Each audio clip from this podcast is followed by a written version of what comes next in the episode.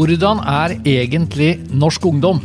Det er tema for denne podkasten. Og som vikar for generalsekretær Øyvind Aasland har vi funnet en person som vet mye om dagens ungdomskultur, nemlig leder for NLM Ung, Hans Christian Skaar. Vi skal også sjekke ut hans interesse for både vanlig fotball og for amerikansk fotball. Velkommen til Ottosen og Generalen.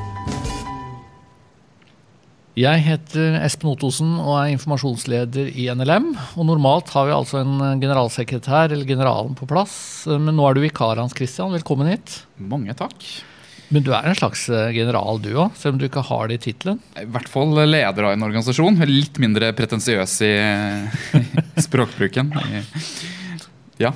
Så det er ikke noe mål å, å bli generalsekretær uh, istedenfor daglig leder, som nå er dagens Absolutt ikke. Okay. Det, nei.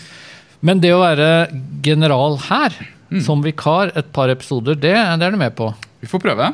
Ja. Du, Vi skal snakke om ungdomsarbeid, kristent ungdomsarbeid, kanskje særlig i neste episode. Og i denne episoden snakke om, om norsk ungdomskultur. Men var ungdomsarbeid viktig for deg? Altså Siden du jobber i, en, i NLM Ung? Definitivt og absolutt. Det har jo selvfølgelig vært en veldig viktig del av min egen trosreise. Men eh, jeg vil jo si at det fortsatt er kanskje det viktigste stedet for meg. Både for eh, påfyll og inspirasjon og eh, ja, og, og trosstyrkene, rett og slett. Ja. Men påfyll Du er jo, du er jo ikke ungdom. Nei. Jeg tror ikke vi kan dra det så langt. Men du er med i ungdomsarbeid og da får du påfyll. Eh, hvordan da?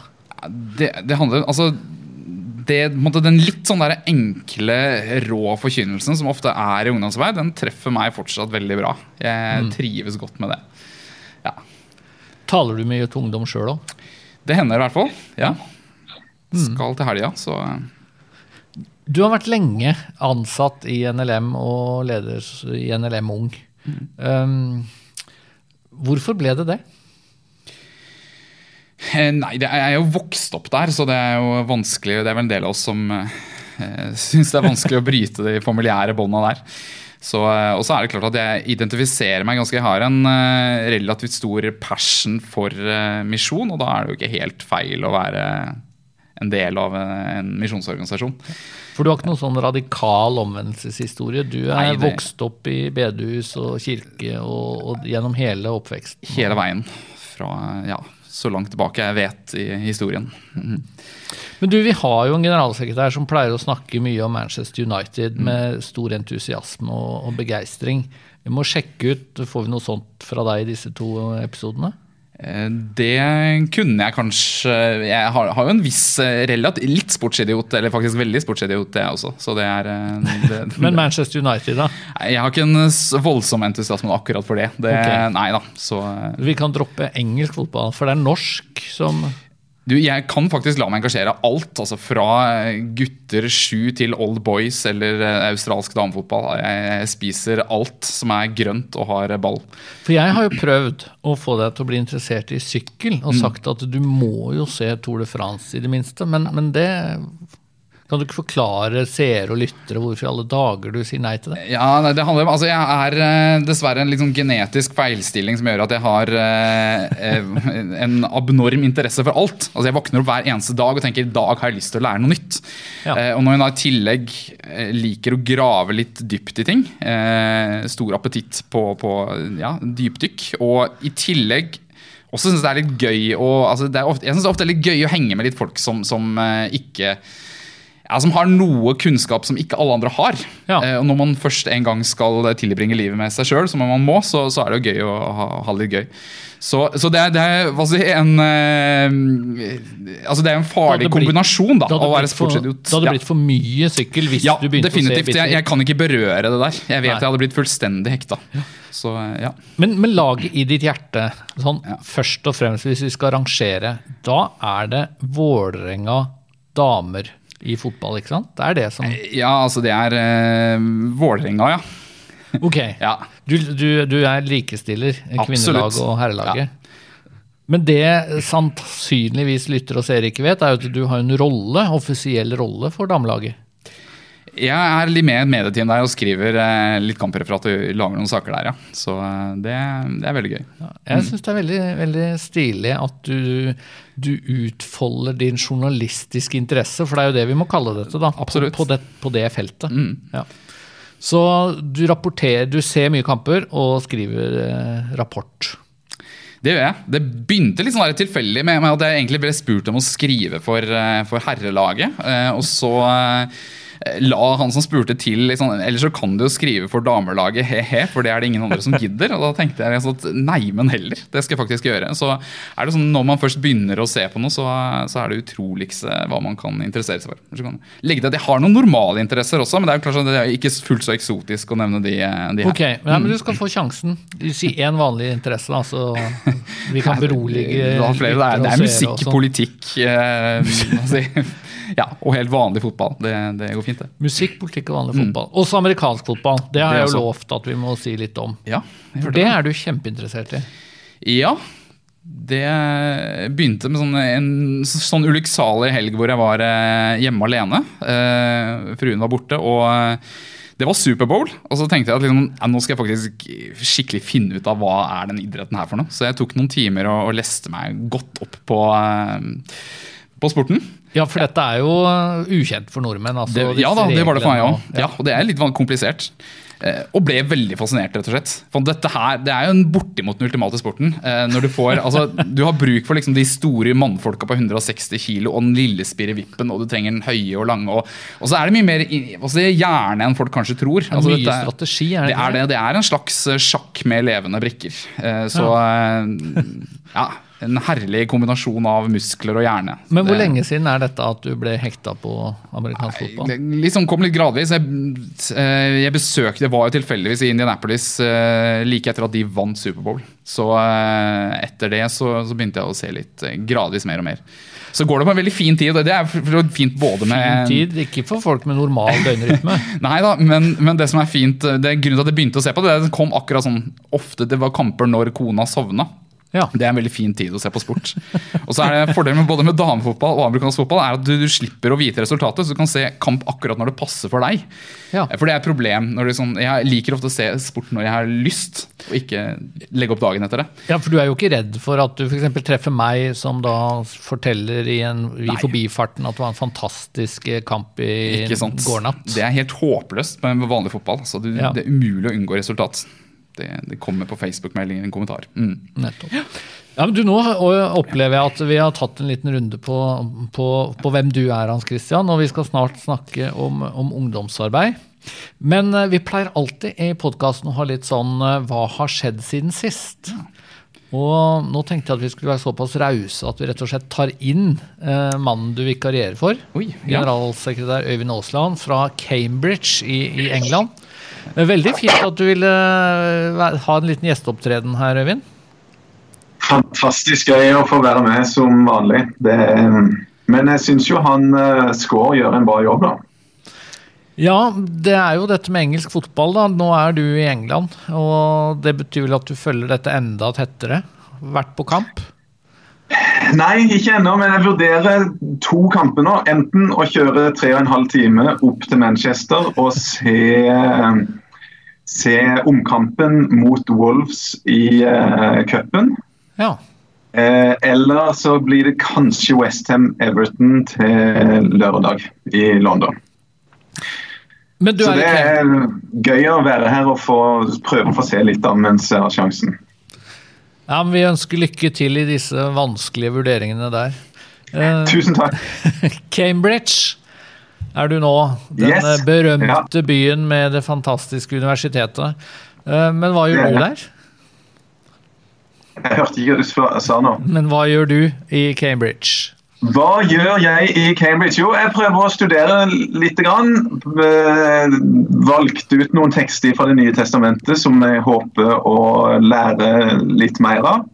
Og, og da er jeg jo på rette plassen. Egentlig, det er jo her Hans Christian burde vært. Altså Her er det så høy nerdefaktor at du vil ikke tro det.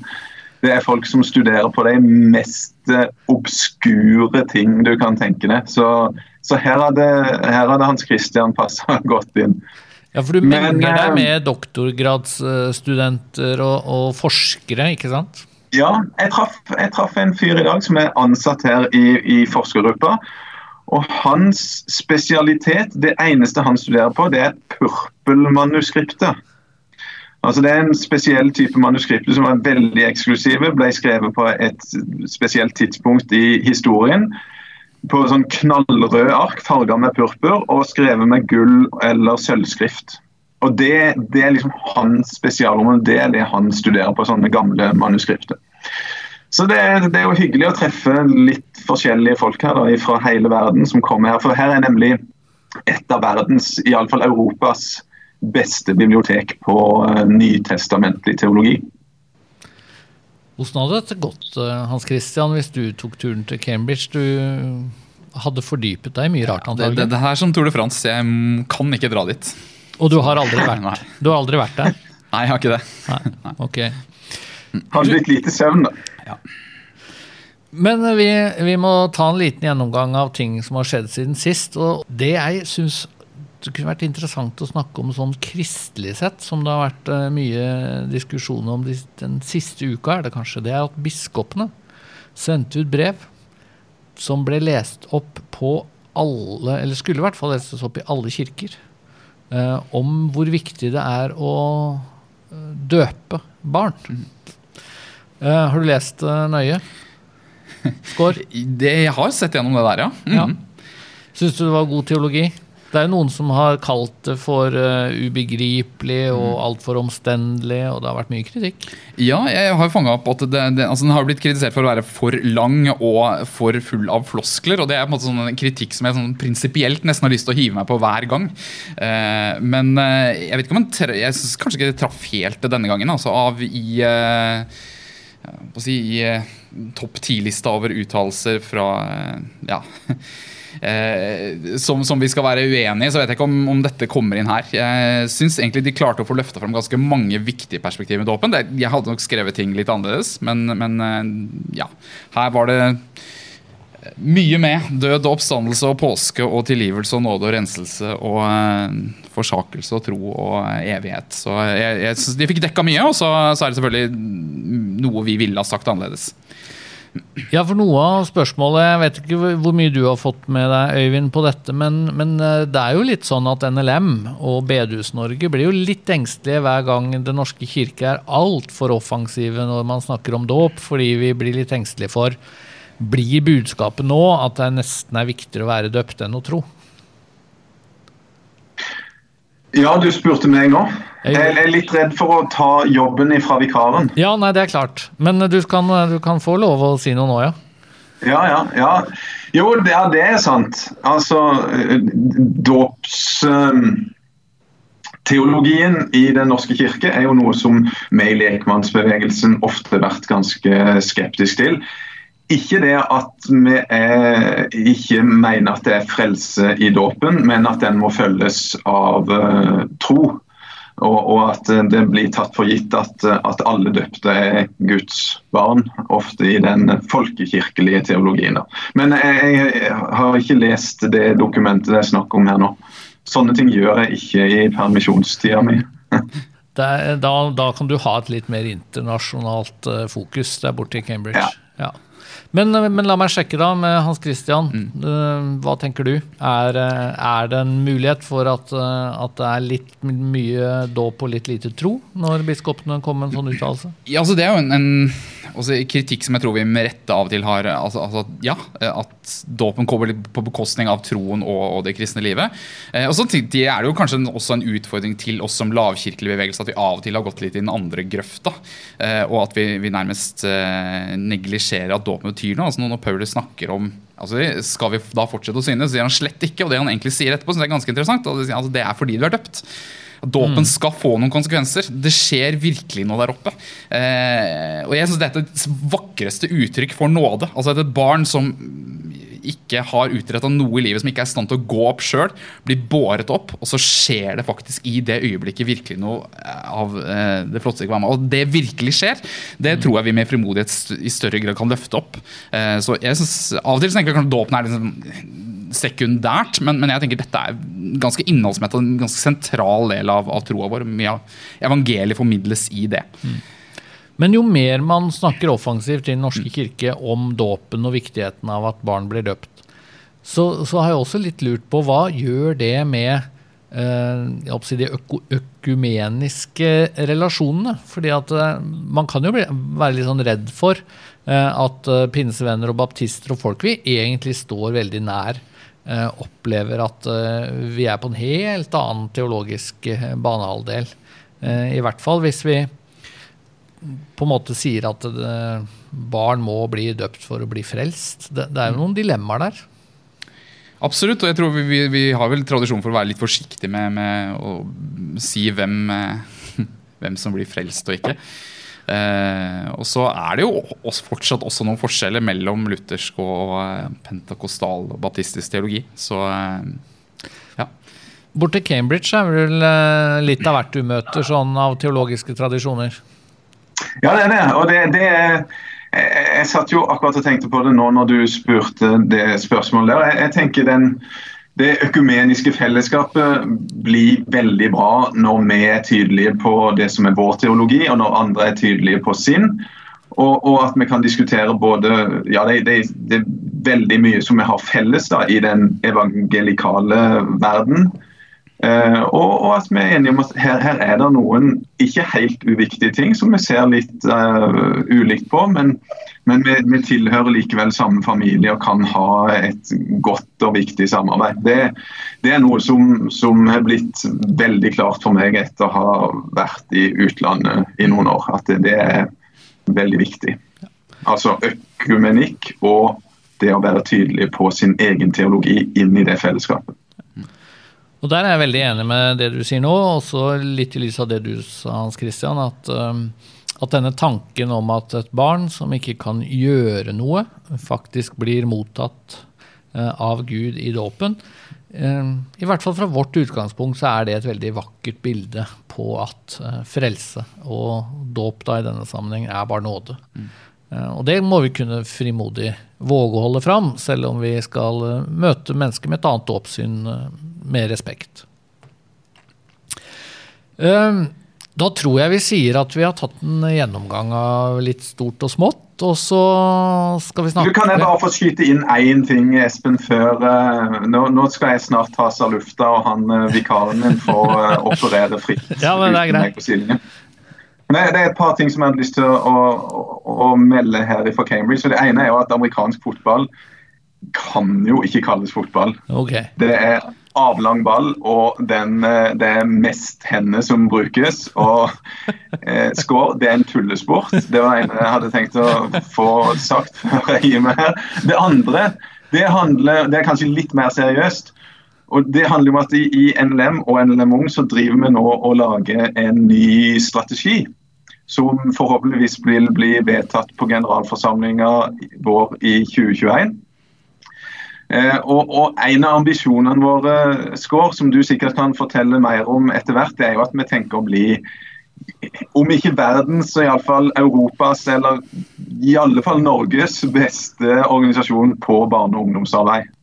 Og det er virkelig noe flott som har skjedd siden sist. og vi, vi, ønsker å lekke ut litt informasjon om hva som skjer inne på det der eh, strategirommet. Så det var bare det. Ja, men Det er bra. Og det er jo egentlig litt sånn um, hovedtema neste gang òg, når vi skal snakke om hvordan drive et uh, godt, uh, bibelsk, uh, utfordrende ungdomsarbeid i vår tid. Uh, har det vært 30 år med uh, altfor mye pizza og bordtennis og altfor lite bra ungdomsarbeid? Uh, skal vi bli mm. verdens beste kristne barne- og ungdomsorganisasjon, så, så legger vi jo lista høyt, da. Ja, jeg hørte det. Det er litt å strekke seg etter der. Ja, men du, Vi skal snart koble det av, men det er jo én ting jeg glemte i forbifarten. Da, og Det er jo å gjøre folk oppmerksom på at du er tilbake på gamle trakter. du. Altså, Cambridge det er et sted i, som du har bodd i over lengre tid? Ja, tenk på det. Ja, det stemmer. det. I 1997, for 23 år siden, så, så var Reidun, kona mi og meg her før vi reiste til Kenya fra januar, altså omtrent på denne tida, og fram til og med juni. Og på nøyaktig og samme sitte sted. Altså På nøyaktig sånn- samme sted. Ja. Tyndale House. Jeg satt på en eh, leseplass her nede og, og eh, prøvde å gjøre noe fornuftig i et halvt år før vi, før vi reiste til Kenya. Så det er fantastisk artig å være tilbake. Sånne gamle eh, engelske byer de forandrer seg jo ikke. så ah, Iallfall alt i sentrum og, og sånn. Det er jo masse gamle historiske bygninger og sånn her. Det er nøyaktig likt sånn som det var for 23 år siden. Så det er veldig artig å være her. Ja, men Veldig bra. Du eh, vil jo sikkert være interessert i eh, dette, dette som handler om ungdomskultur, Øyvind, men du skal få lov å fortsette studiepermisjonen og løpe ned på lesesalen. Og så lar vi vikaren din ta, ta ansvar for dette. Ja, det er nydelig. Tusen takk. Ha det bra. Ha det bra. Da Hans Christian, skal vi altså snakke om det som vi lenge har varslet at skal være hovedtema. Og det er hvordan er nå egentlig norsk eh, ungdom? Um, og det jeg kunne tenkt meg å stille spørsmål om først, er jo at uh, i seg selv så er jo du antagelig ikke så veldig opptatt av hvordan norsk ungdom er. Du er jo opptatt av det fordi det er viktig når man driver ungdomsarbeid, vil jeg tro. Og, og er det da slik at, um, at, at det er mye å studere her? Eller kan, kan du tenke at ja, men jeg husker hvordan det var å være ungdom, så det er ikke så mye å sette seg inn i? Ungdom og ungdom? Ja, nei, det, er, eh, det skjer en del eh, Det har skjedd relativt mye utvikling siden eh, din, din glanstid, Espen. Så Ja, altså, Men du er jo i hvert fall sju-åtte år yngre enn meg, Ja, ja. Så, så du kan kanskje si at du vet hvordan det er Ja, det kan det, men, men egentlig var det litt sånn dårlig timing akkurat på det temaet her nå. fordi det, jeg, liker liksom å komme med sånn her nytt og ferskt og fresht og sånn. Og nå det, har det vært litt sånn stille på forskningsfronten en eh, liten stund. Så ja. Men i motsetning til de aller aller fleste lyttere og seere og folk vi har med oss, så leser jo du forskning. Eh, ja, jeg gjør det. For det, det er jo ikke så veldig mange som følger nøye med på dette, Sikkert ikke. vil jeg tro. Ja. men, men, eh, men hvis vi begynner litt sånn overordna, ja. så er det jo slik at man gjerne deler eh, folk inn i ulike generasjoner. Såpass vet jo jeg. Man snakker om eh, generasjon Z. Eller generasjon Y, eller, eh, og de som er litt eldre.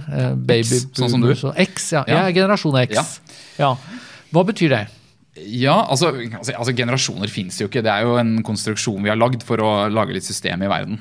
Ja. Eh, men eh, Men poenget er at det betyr at de som er litt sånn på min alder, altså Man pluss minus 50, er vi der? Ikke sant? Eh, ja, det er vel litt forskjellige definisjoner på det der, men, men eh, født mellom 63 og 80 eller noe sånt, kanskje. Ok, det er midt i den, altså, omtrent. Ja.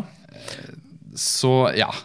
Eh, Da prøver vi å finne noen, sånn noen felles kjennetegn for, eh, for den aldersgruppa. Og prøver å labele dere litt. ja. Men hvis du da sammenligner den generasjonen, generasjon X, med Mm. dagens eh, 16-åringer, hva skal vi kalle de? Eh, Jeg vil nok bruke Z, ja. Generasjon Z. Og så har vi en Y mellom her, eller? Mm. Ja. Ja. Men hva, hva vil du trekke fram som litt sånn tydelige forskjeller på generasjon Z, altså dagens 16-åringer, og sånne som meg da vi var 16? Eh, Hvis du tar to hovedtrekk, og da vil jeg vel kanskje egentlig mer, sånn, mer enn sammenligne X og Z. Eh, og for, bare, altså, det er ikke sånn at du vet utrolig mye om ungdom ved å drive og lese forskning. Altså, det er mer interessant å snakke med ungdom og eh, leve tett på, på ungdom. Altså, Ja. du, du lærer mer av det også enn å høre denne podkasten. Men eh, bare sånn innledningsvis, og jeg tror heller ikke jeg har sånn sinnssyk peiling. Men eh, nei, jeg, jeg tror på en måte det er, det er Nå prøver jeg kanskje å beskrive en litt mer sånn der, lengre reise. Ja. Eh, en lang samfunnsutvikling. Hvor du er et lite stoppested på, på veien. Og da er det jo to retninger som ganske åpenbart peker seg ut, tenker jeg. Det, det ene som alle vet, da. Men det ene er jo eh, si, en stadig større grad av globalisering og påkobling. Altså Dette er en generasjon som, som lever i et digitalt univers. Ja. I din tid så hadde tekst-TV sitt gjennombrudd. Det, det Eh, stemmer. Ja, Det føltes ikke så veldig globalt på sett og vis, kanskje. Gjorde ikke det, nei. Eh, og så har det jo kommet litt ting etterpå. Det andre jeg tror også vil nevne, handler om en individualisering som kanskje starta altså, også for ganske lang tid tilbake, når vi levde i familiekollektiv og i en i en bygd i Øvre Snertingdal hvor de bodde sammen med besteforeldre og du skulle gifte deg med, med jenta på nabogården og bli det samme som far din. Ja, Eh, ja. Så derfra da, til en gradvis mer og mer individualisert kultur, eh, hvor eh, du skal et helt annet sted enn foreldra dine, og du skal et helt annet sted enn hjembygda di, eh, til det som i dag jeg tror nok er et litt sånn sosialt eksperiment med, med den mest påkobla og individualiserte generasjonen i verdenshistorien. Men det er, det er kontraster i de to begrepene. For påkobla betyr jo at du, du er på en måte veldig involvert, da, kan Ja. man si. Og individualisert har vel den ulempen at uh, man kan føle seg veldig aleine. Ja. Og jeg tror vel det er akkurat de to motsetningene vi ser i det her. Da. Det er vel kanskje noe av det, det litt sånn triste med den generasjonen. I at vi, vi ser at eh, ja, altså, Det er en begrensa effekt, men vi ser på en måte eksempel ved økt skjermtid så øker eh, depresjonen. Eller ja, antall altså, tilfeller av depressive symptomer.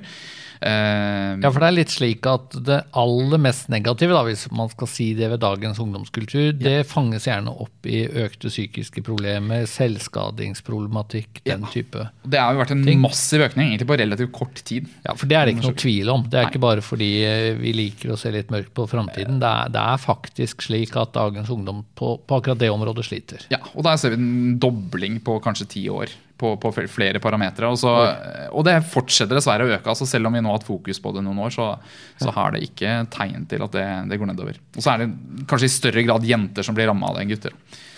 Men, men det jeg av og til tenker, er jo at, eh, at vi kanskje nøyer oss med å si at her, her er det alvorlige ting. Mm. Men, men det er jo noe bra med dagens ungdomskultur òg. Fantastisk mye bra. Og, og noe av det jeg har lagt merke til og hørt mye om, er jo at mens, mens vi, da, generasjon X og, og den gjengen, ofte kunne være sånn ganske opprør opprør eh, til eh, autoriteter, til lærere, til foreldre, og hadde en sånn opprørsfase. Nå kan nok ikke jeg for egen del skryte av det så veldig mye, men, men, men, men det var jo ganske vanlig. Men, men det er det mindre av, på ett vis. Absolutt. Og det er jo eh, altså Veltilpasset er vel et uttrykk som er, ofte er brukt om denne generasjonen. Eh, altså De lykkes på nesten alt vi kan måle. Altså De er bedre på skolen, de er godt fornøyd med, med livet og venner og har tettere forhold til foreldra. Og, eh, og lykkes godt med det aller meste vi gjør. Altså Kriminaliteten går nedover, voldsbruk går nedover, mm. rusbruk går nedover. Og noe som du interesserer deg veldig, er jo på en måte også sånn altså, ja, seksuell lavalder, eller hva skal si, seksuell debutalder går oppover. og man har færre har sånn, seksualpartnere. jeg har ikke noen spesialinteresse for debutalder. Du har ikke den, nei. Den er ikke så smal, den. Men, Godt å høre. Men, men greit å få det avklart, da. Ja. Ja, så der, der er det på vei opp igjen, for Det er det. For å si det sånn. Ja. Men, eh, men hva blir da totalscoren? Det er litt sånn interessant. Altså, er de positive tegnene tross alt viktigere enn en disse eh, utfordringene som vi også kan beskrive? Eller, eller, og er dette de samme ungdommene? Er de både veltilpassa og glade i foreldrene sine og har masse venner og alt det der? Og samtidig så sliter de mm. mange med psyken? Jeg tror, altså, det var jo kanskje det som er nytt med denne generasjonen. da, At du finner faktisk noen av disse flinkis-ungdommene som, som, eh, som ja, går på en psykisk smell. Men eh, det er jo fortsatt sånn at måtte, det er jo en, altså en del av de samme som si, får alt, dessverre. Altså Som har problemer hjemme, som oftere er utsatt for overgrep, som oftere havner i rus, og som oftere får psykiske lidelser. Eh, så ja. Hva tenker du om, eller hva, hva kan man vite om troens betydning og, og religiøsitet blant uh, dagens uh, ungdom? Er de, ligner de der på min generasjon? Altså, er du Du er ikke X, er du Y? Er du en Det er blanding? en grenseland der, ja. Du er en blanding, ja. Så du kan velge litt. Ja. Ja. Men, men hva, hva skjer på det religiøse området, hvis man kan stille det så analytisk? Ja, der skjer det også ganske mye. Og du kan si de er jo prega av mye av de samme tingene som skjer i kulturen ellers. Ja. Eh, altså det er Globalisering og individualisering jeg vil også vil si er de to mest tydelige kjennetegn der. Altså i, I form av globalisering så er det på en måte i den, du vokste opp i en veldig sånn ja, i Snertingdal-eksempelet mitt, da, i en kultur hvor alle trodde på det samme og eh, det var ikke noe alternativ til kirken. Kan vi ta Sarpsborg hvor du vokste opp? Eller du vokste, Eh, opp, du vokste opp i en bitte liten bygd i Sarpsborg kommune. Ja. Ja. Knøttliten. Og der trodde også folk på det samme? og ting Ja, Det var selvfølgelig homogent. spredning der også, men, det er klart det var mye mer eh, homogen kultur. Mens Ja. når en plutselig havner i en global verden, så blir en, møter en helt andre impulser. og på en måte, altså, Vi flytter jo rundt. Mm. Eh, og, og folk, ja, altså 916 000 innvandrere til Norge har satt sine spor her, og norsk ungdom er mye mer mobile. Vi er eh, i bevegelse. og Verden er et tastetrykk unna. Liksom, det er jo en generasjon som har alle de kuleste oppfinnelsene i verden i lomma. Eh, og som gjør at f.eks. Liksom en, en eh, når en norsk ungdom sitter i Fredrikstad og ser nyheter fra en landsby i Syria og blir engasjert i det, så kan han være i Syria dagen etterpå. Det er, det er sånn at Hele verden er tett på. Eh, så det preger jo religion. og veldig mange, altså det er en, en av de største forskningene vi har sett, det er fra Sieberts og Kai, som har gjort en sånn undersøkelse i hvis jeg husker riktig, ni europeiske land, pluss Israel. Eh, som vel beskriver en veldig sånn universalistisk eh, gudstro Ja. i Europa. Altså, ja. Og med det betyr at eh, dette med frelse eller ikke frelse, det er, det er ganske borte Det er fra litt. perspektivet. Altså, de har en tanke om at det, er, altså, det står en gud bak alle religioner, og at de ulike religionene er et slags uttrykk for, for denne guden. Eller, ja. Så det å tenke at Jesus er veien, sannheten og livet, for å sitere Jesus da, og Johannes 14, det blir stadig mer og mer fremmed da, for, for dagens vestlige ungdom. altså, ehm, det, det er sånn eh, alltid behov for å nyansere, nesten uansett hver setning jeg hiver ut her nå. Ja. ja. eh, for det, det er jo noen tendenser til det motsatte også. Liksom. Altså det, det er eh, Se tallene på antall som eksempel definerer seg sjøl som, som kristne blant eh, hvert fall 14-15-åringer, så er ikke det lavere enn det var i 1980. Eh, og det, vi ser også noen tendenser til sånn økende interesse for Bibelen, men også bønn i noen av de nordiske landene. For, for noen har jo sagt at uh, pga. islam, og pga. at det er en del ungdom, særlig kanskje da i storbyer, som er ganske tydelige på at jeg er muslim, Ja. så vil en del jeg håper å si, vanlige nordmenn tenke at de i hvert fall må finne ut er de kristne eller er de ikke, og at det kan være, ha en positiv betydning. Ja, jeg tror kanskje den er litt hypa, den, den uh, effekten der. da. Eh, Men, eh, men religion kommer på ja, altså Religion er ikke veldig på agendaen. og det er jo her vi kommer over på det, altså Nå har jeg bare snakka om globaliseringsbiten, men individualiseringsbiten det er vel kanskje det, noe av det bitte lille jeg har gjort av, av forskning sjøl. Hvor, hvor jeg intervjua en del eh, videregående-elever her i byen. Og nesten alle sa at religion er ikke viktig for dagens unge, men det er viktig for meg. Eh, nå er det klart at det, var ikke sånn, det kan hende de var spesielt religiøst interessert, de som var villige til å være med på det intervjuet. Men, men det er også så jeg hadde gjorde en undersøkelse med, med klassen deres. Da var det jo nesten halvparten som beskrev religion som viktig. Eh, men de visste ikke om at noen andre mente det. Så da blir det ikke religion eller, eller kristendom da i et slags uh, fellesskap. Det blir en sånn privat Ja, greie. Det kan du si, og Veldig mange av de ber, men de gjør det alene. Veldig mange av de reflekterer over, over livet, men de gjør det alene. og Det er på en måte det som er mest kjennetegnet på religion i dag. At det, det foregår i eget rom, og Google og YouTube er kanskje viktigere premissleverandører enn eh, deg. da. Eh, Eller deg. eller meg. Uh, ja, så det er, en, det er en ganske individualisert tro. der ser vi på en måte, altså, De den klassiske, de kjøper ikke den hele pakka. Uh, og Bibelens posisjon er på den, i mange år vært sånn på nedadgående. Selv om det er noen få tegn til en økt interesse nå de siste, aller siste årene. Men når du sier det, Bibelens Mm. eh, posisjon er nedadgående, det betyr at folk, og da ungdom som vi snakker om nå, forholder seg rett og slett i mindre og mindre grad da, til Bibelen som en slags fasit? Ja, jeg tror det handler altså, Og det, det handler primært om kulturen. altså Vi ser det samme at Jeg ser av og til på sånne videoer fra islamske, ja, islamske TV-sendinger. Jeg syns det er litt interessant. Eh, Og de altså, er På veldig frustrerte. er Nei, det er på norsk på- eller engelsk. Okay, ja. Og det er mye av den samme frustrasjonen da, over at måtte, også muslimske ungdommer måtte ikke, eh, ikke lenger bare tar over hele pakka fra foreldra, men de, de sitter og er litt selektive og vurderer liksom, hva, hva vil jeg tro på her. Og og velger sine deler. Og Det er jo liksom, ja, noe av utfordringen for, eh, for klassisk kristen tro. at den, altså de, er, de er så opplært fra de er nesten er født til å tenke kritisk. Og, være, og De blir bombardert med informasjon av folk som prøver å selge hele tiden. Så de har et, sånt, et filter og er kritisk til veldig mye. og det, de gjør på en måte, det, det, er, eh, det er jo veldig mye sånn sunt med det, og så er det selvfølgelig eh, eh, vanskeligere for dem måte bare å akseptere en, eh, ja, eh, en, en pakke uten å stille spørsmål ved det. Ja. Men nå har vi snakka mye om ungdomskultur. Og jeg hadde lyst til å snakke om én liten ting til slutt som selvfølgelig har med dette å gjøre, og det er jo hvordan er kristen ungdom? Altså er det noe og, og da tenker jeg nesten litt sånn smalt, altså den ungdommen du kjenner, og, og de ungdommene som er kobla til NLM og NLM Ung.